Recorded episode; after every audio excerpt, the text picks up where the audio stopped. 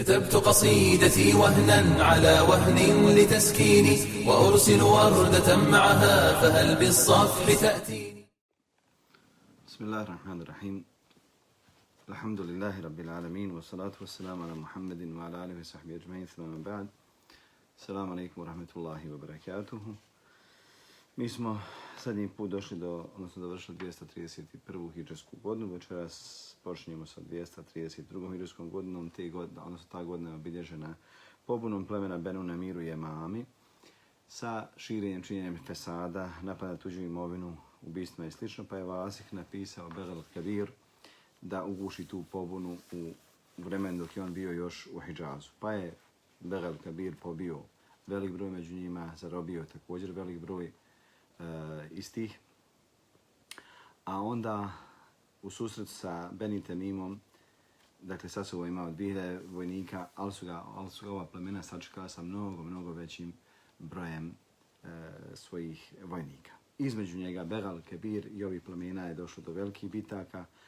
Kaže Ibn Kathir Rahmehullah ta'ala da u tim bitkama je on pobijedio Begal Kebir, dakle pod onaj, po naredbi Vasiha, ali da istovremeno je zarobio onaj velik broj.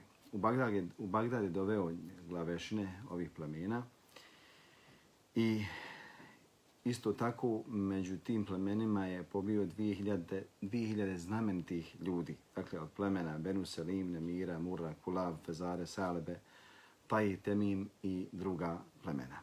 Ove godine su hađije bile pogođene velikom nestašicom vode na svom putu prema hađu i nazad, do te mjere da jedan gutljaj vode se plaćao nekoliko dinara.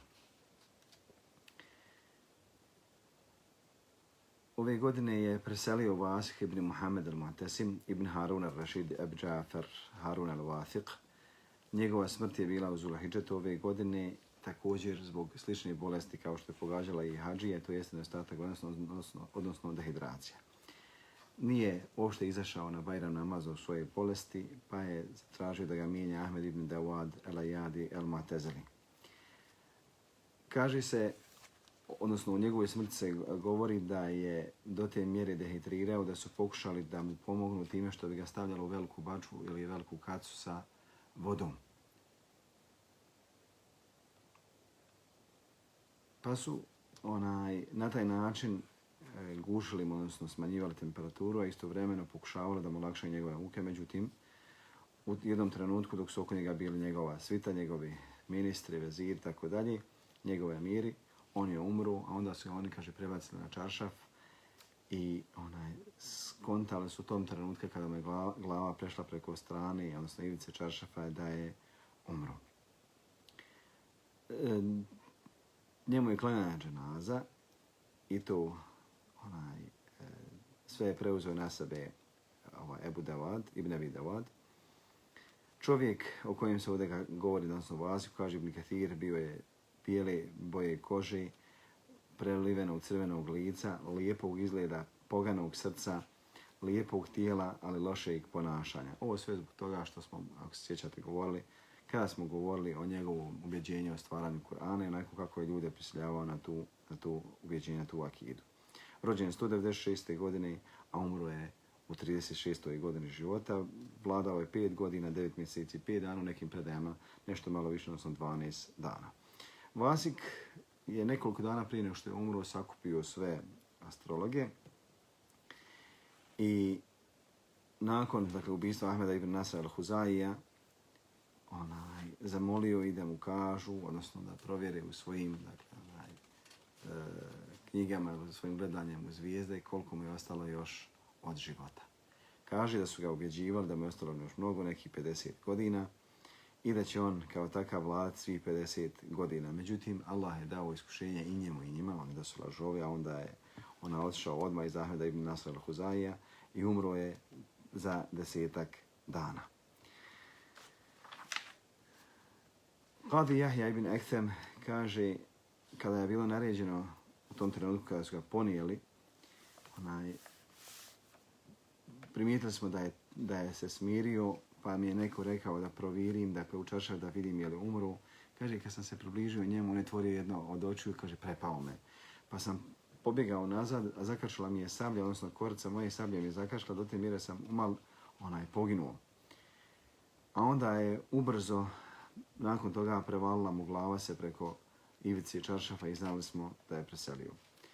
Dok se ljudi zabavljali, njega su ostali na prostoriji i zaključali ga, i dok se ljudi zabavljali već krunisanje odabirom Džafra al-Mutevekila, ja sam čuo ona vrata, onda sam kaže, čuo da se nešto tamo dešava, miče, otvorio sam vrata i vidio sam da mu je veliki, dakle, mišno, što se, zavisi kako se gdje kaže, stahor, a, nagrizao lice, pojio dobar dio lica i oko, i to baš ono oko sa kojim je pogledao.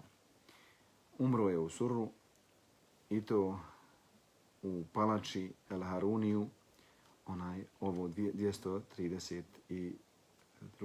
godine. Nakon njega, nakon toga klanjamo među nas Džafarom Tevakir Allah, a nakon njega na tron dolazi njegov brat Vasika, odmah nakon njegove smrti, e, to jeste El Mutevakir Allah, iako su Turkmeni, odnosno Turci, htjeli da krunišu Muhameda ibn Vasika, ali su zbog njegovog, njegove mladosti, time što je bio dijete, odlučili da ipak ne dadnu njemu krunu, jer bilo mi nešto kod 26 godina. Kaže se da je sa ovom viješću o krunisanju, odnosno postavljanju na trun hilafeta, došao Ahmed ibn Abi Dawad al-Qadi i on je prvi taj koji je predao hilafet i dao prisegu i opću i posebnu prisegu al-Mutavakiru al-Allah. I nakon toga dolazi jedan novi period u kojem Mutawakil ala Allah, čovjek koji sasvim ima suprotan pravac i način i ubeđenje o Allahu te barehu ta'ala, jer mijenja stanje muslimana ehl sunneta u svome vremenu. Za vremena ili za života još Vasiha, Mutawakil je vidio u snu jedan san u kojem je vidio kako se nešto spušta sa nebesa, neki, ne, nešto napisano, I onda su mu ovi rekli da je to hilafet. Kaže, zbog toga se njegov brat Vasi naljutio, zatvorio ga u zatvor, a onda ubrzo ga i pustio iz zatvora. Ove godine Hadže prevodio ljude Emir Mohamed ibn Davud. Samim tim završena je 232. nastala 233. godina. Ove godine je halifa Mutawakil Allah naredio se uhapsi Mohamed ibn Abdul Melik ibn Zayat, vezir od Vasika jer ga je Mutevekil mrzio zbog mnogih događaja, posebno kad god bi se Vasik naljudio na Mutevekila, on bi mu još više povećavao tu njegovu ljutnju zbog određenih dakle, stvari, prenošenja habira i tako dalje, nagovaranja da mrzi svoga vrata. I ovo je Mutevekil ostalo u duši. Sve dok dakle, onaj, Vasik nije preselio, a onda je uh, istu tu priliku koristio Ahmed ibn Abi Dewad da smiri svoga brata Vasika pa to Mutavekil nije zaboravio, nije se osvetio Ahmed ibn Abi Dewadu, nego se osvetio ibn Zajadu. Muhammed ibn Vasik, nakon očeve smrti, onaj, stalno ga je, e, odnosno Ibn Zajad ga je podgovarao da ostavi hilafe svome e, sinu, čak što više ljudi su nagovarali mu tevekila, međutim, Mutevekil se tome nije htio posvećivati jer nije htio da gubi glavu, odnosno da se širi mržnja u porodnici. porodici. Kaže se da kada, su, kada je poslao e, ljude da ga hapse žandarmeriju, on je mislio da je već je ručao bio i kada je mislio da ga je halifa poslao da dođe u posjetu, a onda je, kaže, ona, žandarmerija kola njegovu kuću, odzeli smo svu imovinu, svoje, ono što je bilo vrijedno, čak što više i robkinje i namještaj i zlato i sve ono što je imao od novca i nečega vrijednoga.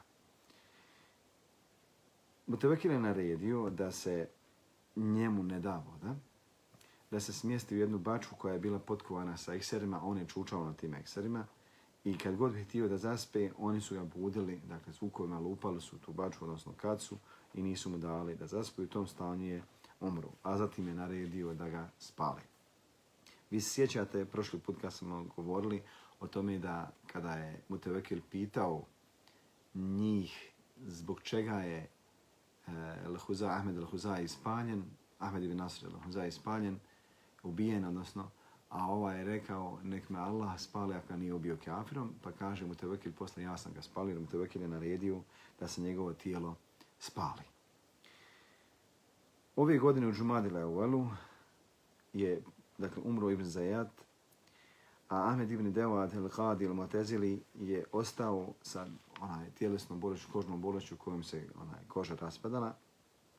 I to četiri godine i na tome je bio i njegov kraj, a on je isto tako, kada se na ljutim u Tevekilu pitao je o smrti um, Ahmed ibn Nasra, rekao nek me Allah uništi sa bolest, bolešću Faliđ, bolest Faliđ to jest ta, kako se to nazove, storopoza, jel kada se onaj raspada koža na tijelu i on, pojavljuju se rane.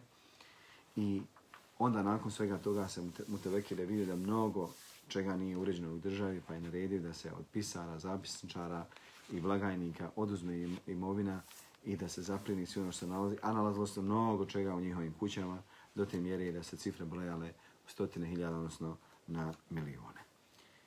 Ove godine je kralj Bizantije Mihajl ibn Tofel potvorio svoju, svoju majku Teodoru, da je počinila blud, pa je stavio na sunce i onda je naredio se zatvori u manastir, u samostan, a čovjeka sa kojim je potvore počinila blud je ubio. Ove godine hađ prevodio Muhammed, muslimani Muhammed ibn Dawud. Zatim, nakon toga dolazi 234. godina. Ove godine Muhammed ibn Ba'is ibn Halbes odbio poslušnost halifi u Azerbejdžanu i proširio vijest da je mu Tevekil preselio, a oko njega se sa svih različitih krajeva oko Azerbejdžana okupila velike mase ljudi i zbog toga je bio Mutevekil prisiljen da mu pošalje svoje vojske i to ne male vojske koje su opkolile, opkolile onaj, e, njegove utvrde i potrajali su ratovi između njega i Bege Šarabija do te mjere da je na kraju morao da popusti, a onda je bio odveden halif i to tek je došao u idućoj godini, to je 235. godini, što će Ibn Katir malo kasnije ispomenuti. Ove godine je Itah, jedan od emira, veliki emira e, u Meki, otišao na hađ, a to mi je prethodilo da su on i Mutevekil pili jedne noći, pa ga je Mutevekil udario, a on se na njega naljutio, pa je Mutevekil ujutru došao da mu traži halala, jer je Itah već bio spreman da ga ubije, dakle ubije halif. Pa on je kao ti meni halal, ti si moj otac, ili poput mog oca, ti si me odgojio, meni je žao, onda je Mutevekil poslao nekoga ko će ga nagovoriti da traži izonu za hađ, pa je tražio Mutevekila dozvolu da ide na hađ, a on je na njegovo mjesto postavio Vasifa eh, slugu da mijena, mijenja njega. Hadž je predvodio na ove godine Muhammed ibn Davud. U tom dakle, putovanju on je njega oslavio da, dakle, da ga izvede iz mjesta gdje je živio, ne bil mu poslije, što se i kasnije desilo, jest da ga zatvori. 235. godine Itah je umro u zatvoru, jer kad se vratio iz zatvora, halifa ga je dočekao sa velikim, onaj, ogromnim skupocenim poklonima, a kada je htio da uđe u onaj u Samuru, Isak ibn Ibrahim ga je uhapsio i odveo ga u zatvor.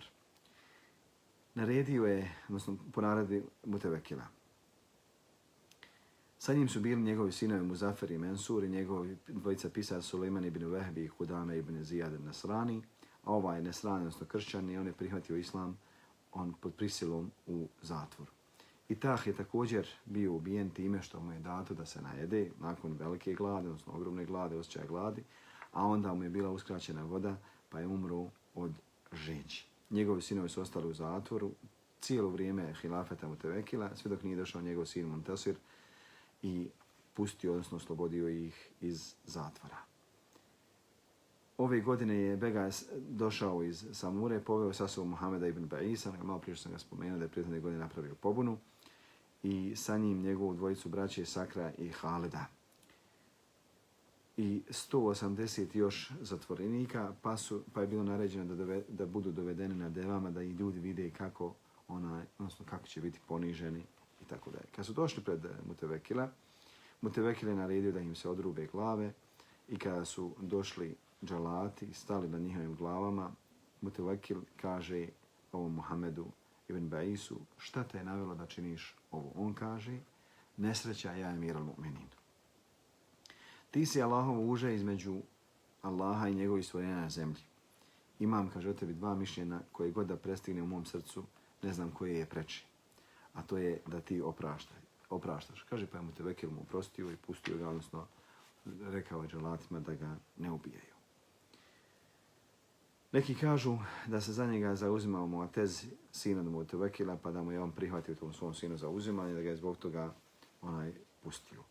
A onda da je ostavio u zatvoru i da su nekada kasnije zatvora on i ovi njegovi prijatelji, sinovi pobjegli. Ove godine je Mutevekil naredio da se zimije, to jeste nemuslimani, kršćani, jevreji i svi oni koji nisu na dinu islamu, da se njihov odjeća mora razlikovati od odjeće muslimana, da odijevaju posebne ogrtače, posebne boje, da ispred tih ogrtača bude prebačeno nešto poput pošči, a kod žena kecelje, da im se čalme razlikuju po bojama od boje muslimana i da na vratovima nose ogrlice od velikih drvenih onaj, krugova, odnosno loptica. Zatim da se povežu kajševi po stomakovima kao što su kmetovi nekada radili i da se na taj način obilježi onaj da nisu nalik poput muslimana.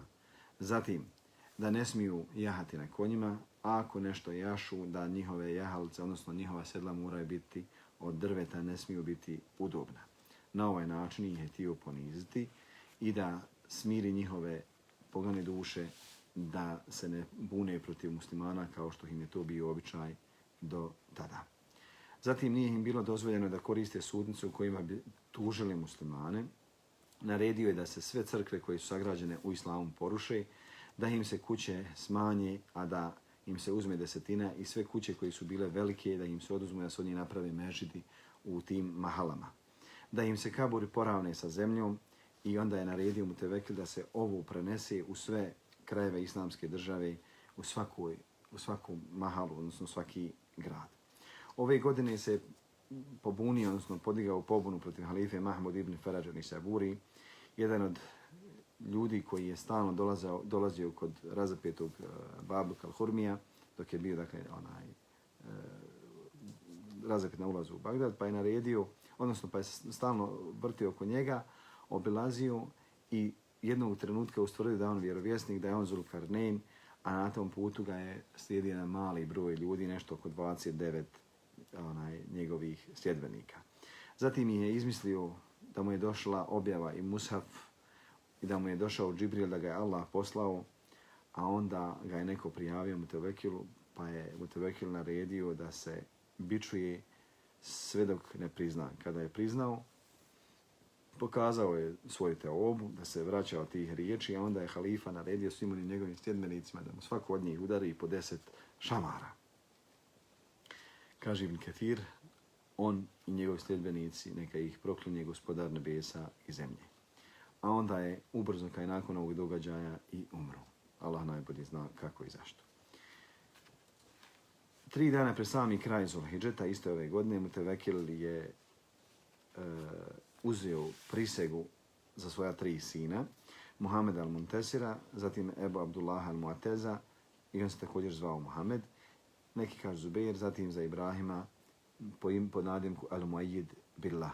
Kaže se da ovaj treći nikada nije došao na tron hilafeta, svaki od njih je dobio jedan dio islamske države gdje je vladao, to jeste otac im je dao da budu namjesnici određenog dijela islamske države.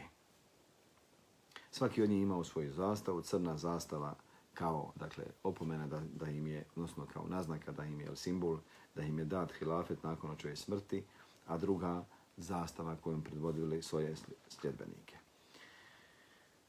Ove godine u Zulhidžetu Tigris je promijenio boju i to promijenila se boja u žutu, nakon toga je prešla u crnu boju, pa se ljudi prepali ona zbog tog događaja, a onda se dakle, došlo do zaključka da je bila toliko zagađena od nečisti i kanalizacija iz njihovih kuća, pa da je poprimila takvu boju i neugodan miris. Ove godine je pred Mutevekira doveden Jahja ibn Omer ibn Jezid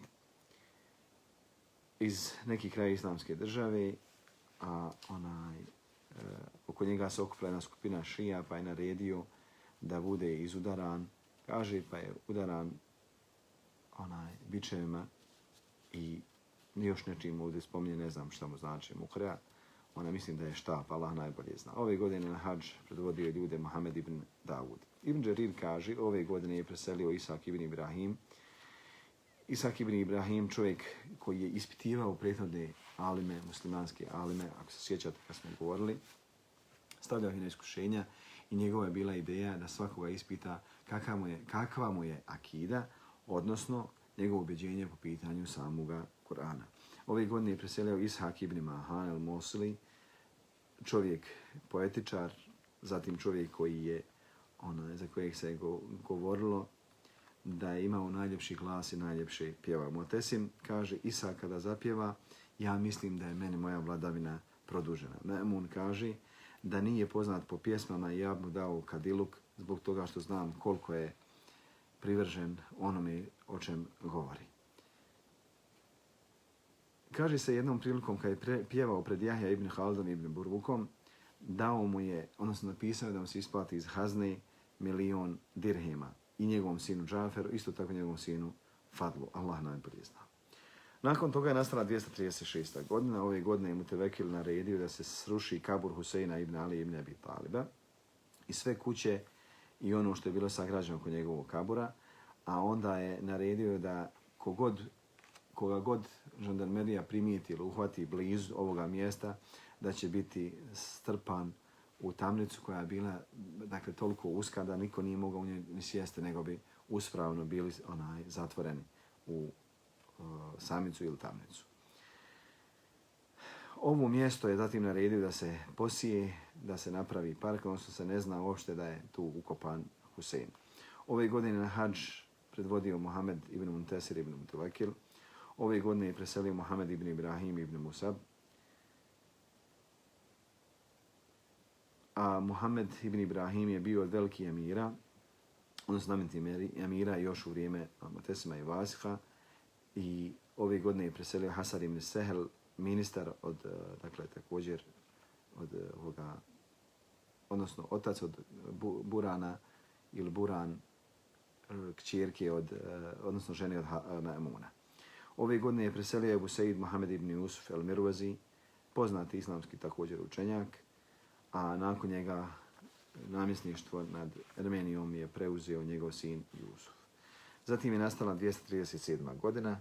Ove godine je Jusuf ibn Muhammed ibn Jusuf uhapsio jednog veliki, velikih kardinala, znamentir kardinala i poslao ga halifi. Ove godine se spustila, on sam spustio ili pao veliki snijeg na te države. Zatim su se podijelili u pokrajinama i organizovali vojske i pobunili se protiv Jusufa. A Jusuf sa svojim vojskama je pokušao se odupri i nije uspio, nego su ga ubili.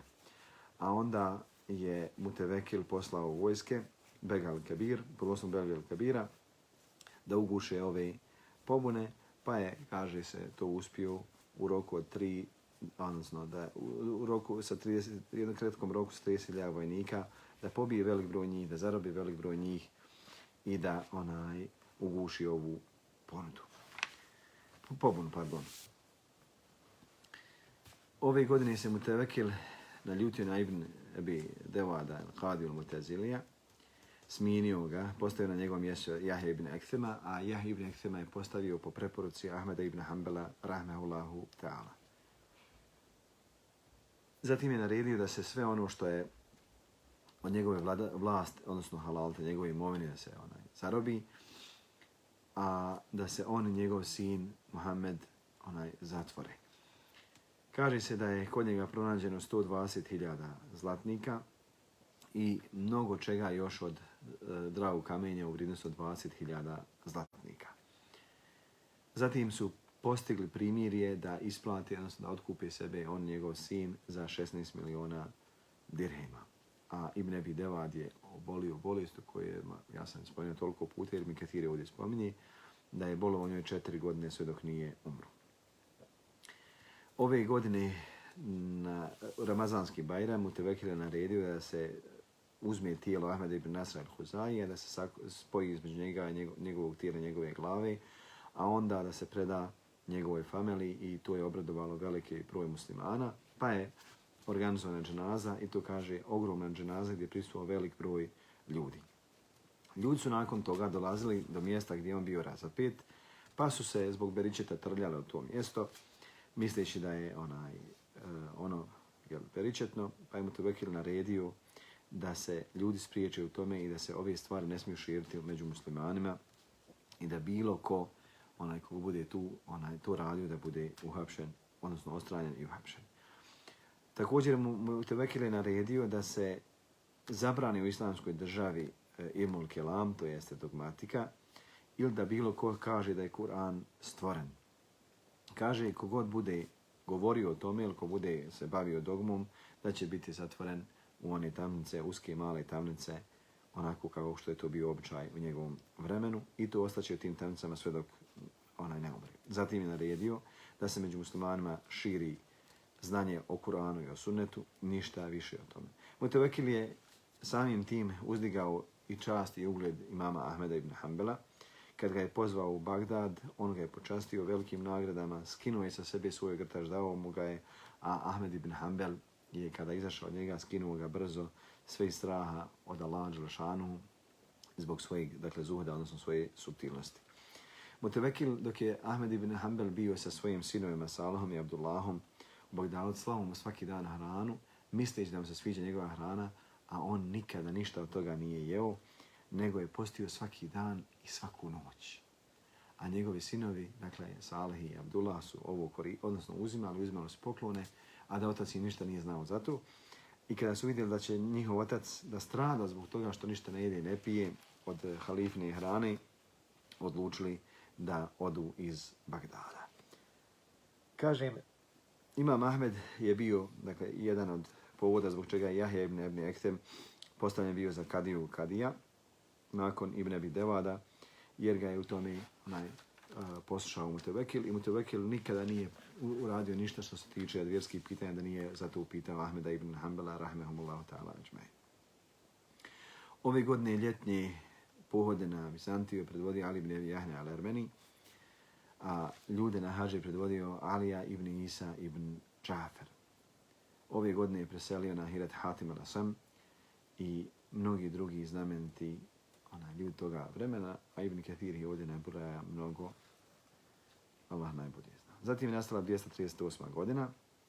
U Rabiju Leveli od ove godine Bega je opkolio Tfilis, odnosno Tbilisi, e, sa vojskom koje je predvorio Zairek Turkmen, pa je namjesnik onaj, Tbilisija mu se suprostavio, odnosno Isak ibn Ismail, i Bega ga je zarobio. Zatim je naredio da se onaj, odrubi mu glava, da se razapne, a onda je naredio da se grad spali. Grad je gorio dva dana, spalio je 50.000 ljudi, a nakon na dva dana ono što je ostalo zarobio je njih i ono što su oni imali sa sobom od svoje stoke i poveo ih kao plijen. Ove godine su Ferenđije ili, eto da kažem, Bizantijici, kako i oni nazivaju, sa 300 vojnika napali na Egipat i to na Damijat, ušli su iznenada, pobili velik broj ljudi, zapalili mežid, ili odnosno veliki mežid džamija i onaj mimber u njemu. Zatim zarobili su 600 žena, od toga je bilo 125 muslimanki, a ostale su bile koptkinje. Sa sobom su ono što su mogli opljačkati, opljačkali, iznijeli i vratili se u onaj preko svoje granice, odnosno svoje granice, svoje državu, a da im se niko nije suprostavio. Ove godine je preselio Ishak ibn Rahavej, jedan od velikih znamenti islamskih učenjaka, muštehida, i on se često spominje i također i mnogi drugi Ibn Kathir i sam spominje ovdje sa imenima. Zatim je nastala 239. godina. E, ove godine je Mutevekil naredio se pooštre mjere protiv Ehle Zimija, to jeste kršćana i jevreja i svi oni koji nisu bili e, u islamu posebno što se tiče odjeće, odjeće i razlikovanja njih od muslimana. Zatim je podvukao da se poruše crkve koje su sagrađene u vrijeme islama, a zatim je iste ove godine mu protirao Ali ibn Žehma iz Horasana. Na hađi je predvodio muslimane Abdullah ibn Muhammed ibn Dawud Valija Meki.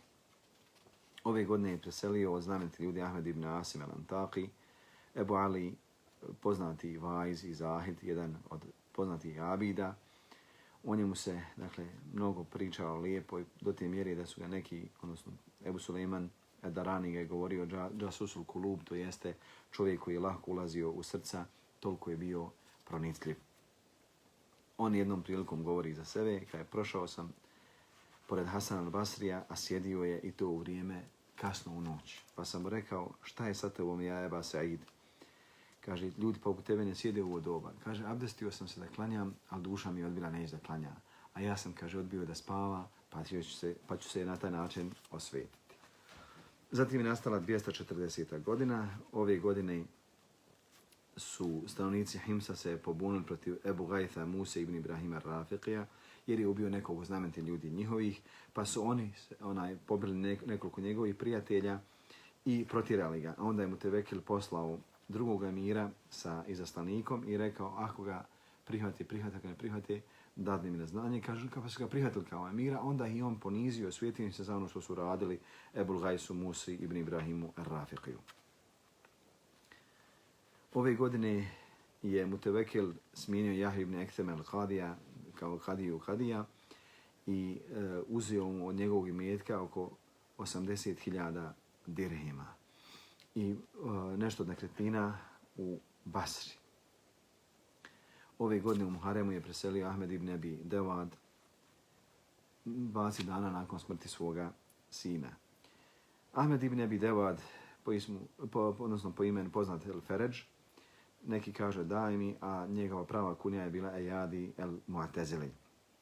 Bio je val, odnosno e, Valija ibn Ebi e, Devada, Kadija, Kadija kod Muatesima, zatim kod Vasika, čovjek koji je se iscao po svojoj plemenitosti, ali isto tako i po svoje lošem ubjeđenju na mezebu džahmija, to jeste tvrdnje stvaranja Kur'ana, odnosno da je Kur'an stvoren. Njegov otac je bio trgovac, dolazio je često u Šam, zatim u Irak, pa ga je sa sobom iz Iraka poveo i doveo ga kod Hejađa Ibn Ale Esulem je jednog od prijatelja Vasar Ibn Ata, od kojeg je preuzio akidu Muatezila. A kaže se da je također se družio sa Jahe Ibn Ektem al-Qadijem i da je od njega uzimao znanje. Njegova plemenito se opisivala kroz različite događaje. Jednom prilikom neki od robova je došao, odnosno siromašnih robova došao i rekao daj mi jahalcu, pa je naredio da mu se dadne i mula, i mazga, i konj, i kobila, i magarica i da mu se usto pokloni jedna onaj robkinja. Kaže da je da znam da postoji još nešto od jahalica da obihti. Halalte. U vrijeme Mohameda ibn Mehdija ibn Vasika je jednom prilikom došao neki stariji čovjek, šejh, nazvao mu selam, pa je rekao Vasik, la selam Allahu alaik. Pa je rekao, ja mir al-mu'minin, loše li si odgojen? Kaže Allah Đerušanuhu, ako vam se nazove, odnosno ako se pozdravite, vi ozdravite na još ljepši način ili odgovorite istim selamom. Kaže da me nisi pozdravio ni sa boljim, ni sa drugačijim, ja te ne bi odgovorio. Pa onda Ibn Abi Devad reče, ja mir al-mu'minin, čovjek hoće da priča, da se raspravlja. Kaže, raspravljaj se ti sa njim. Kaže njemu Ibn Abi Devad, o šejeh, šta ti kažeš o stvaranju Kur'ana? Kaže, nisi se lijepo odnio prema meni, kakva je to mesela? Kaže on njemu, ovaj šejh Ibn Abi Devadu, je li to nešto što je znao Allahov poslanik Jebu Bekri, Omer i Osman i Alija? Kaže Ibn Abi Devad, nisu znali. Kaže, oni nisu znali, ti jesi. Kaže, pa on reče, halale, oprosti, jesu znali. Kaže, jesu znali a nisu to pozivali, ti se našao da pozivaš, njima je odgovaralo da šute o tome, a tebi odgovara ti o tome pričaš. Pa Ibn Abi Devad shvatio da ga je ovaj već onaj pred društvom, odnosno pred ljudima ponizio. I kaže, odnosno Vasik mu je dao 400 dinara, dinara on ih je odbio. Nakon toga e, Ibn Abi Devad je pao u očima Vasika i nikada više nikoga nije stavio na ispit o stvaranju Kur'ana. Njegova smrt je bila u subotu, sedam dana pred kraj Muharema ove godine. Dženazom je klanio njegov sin Abbas, a ukopan je u, u Bagdadu, imao je 80 godina, a četiri godine je bolovao, što smo nekoliko puta spomenuli, od teške bolesti raspadanja kože i osteoporoze. Zatim je nastala 241. godina. Ove godine su stavnici Himsa se pobunili protiv Muhammeda ibn Abdevejha, htjeli su da ga ubiju i u tom njihovom pohodu su i pomagali kršćani od stavnika Himsa.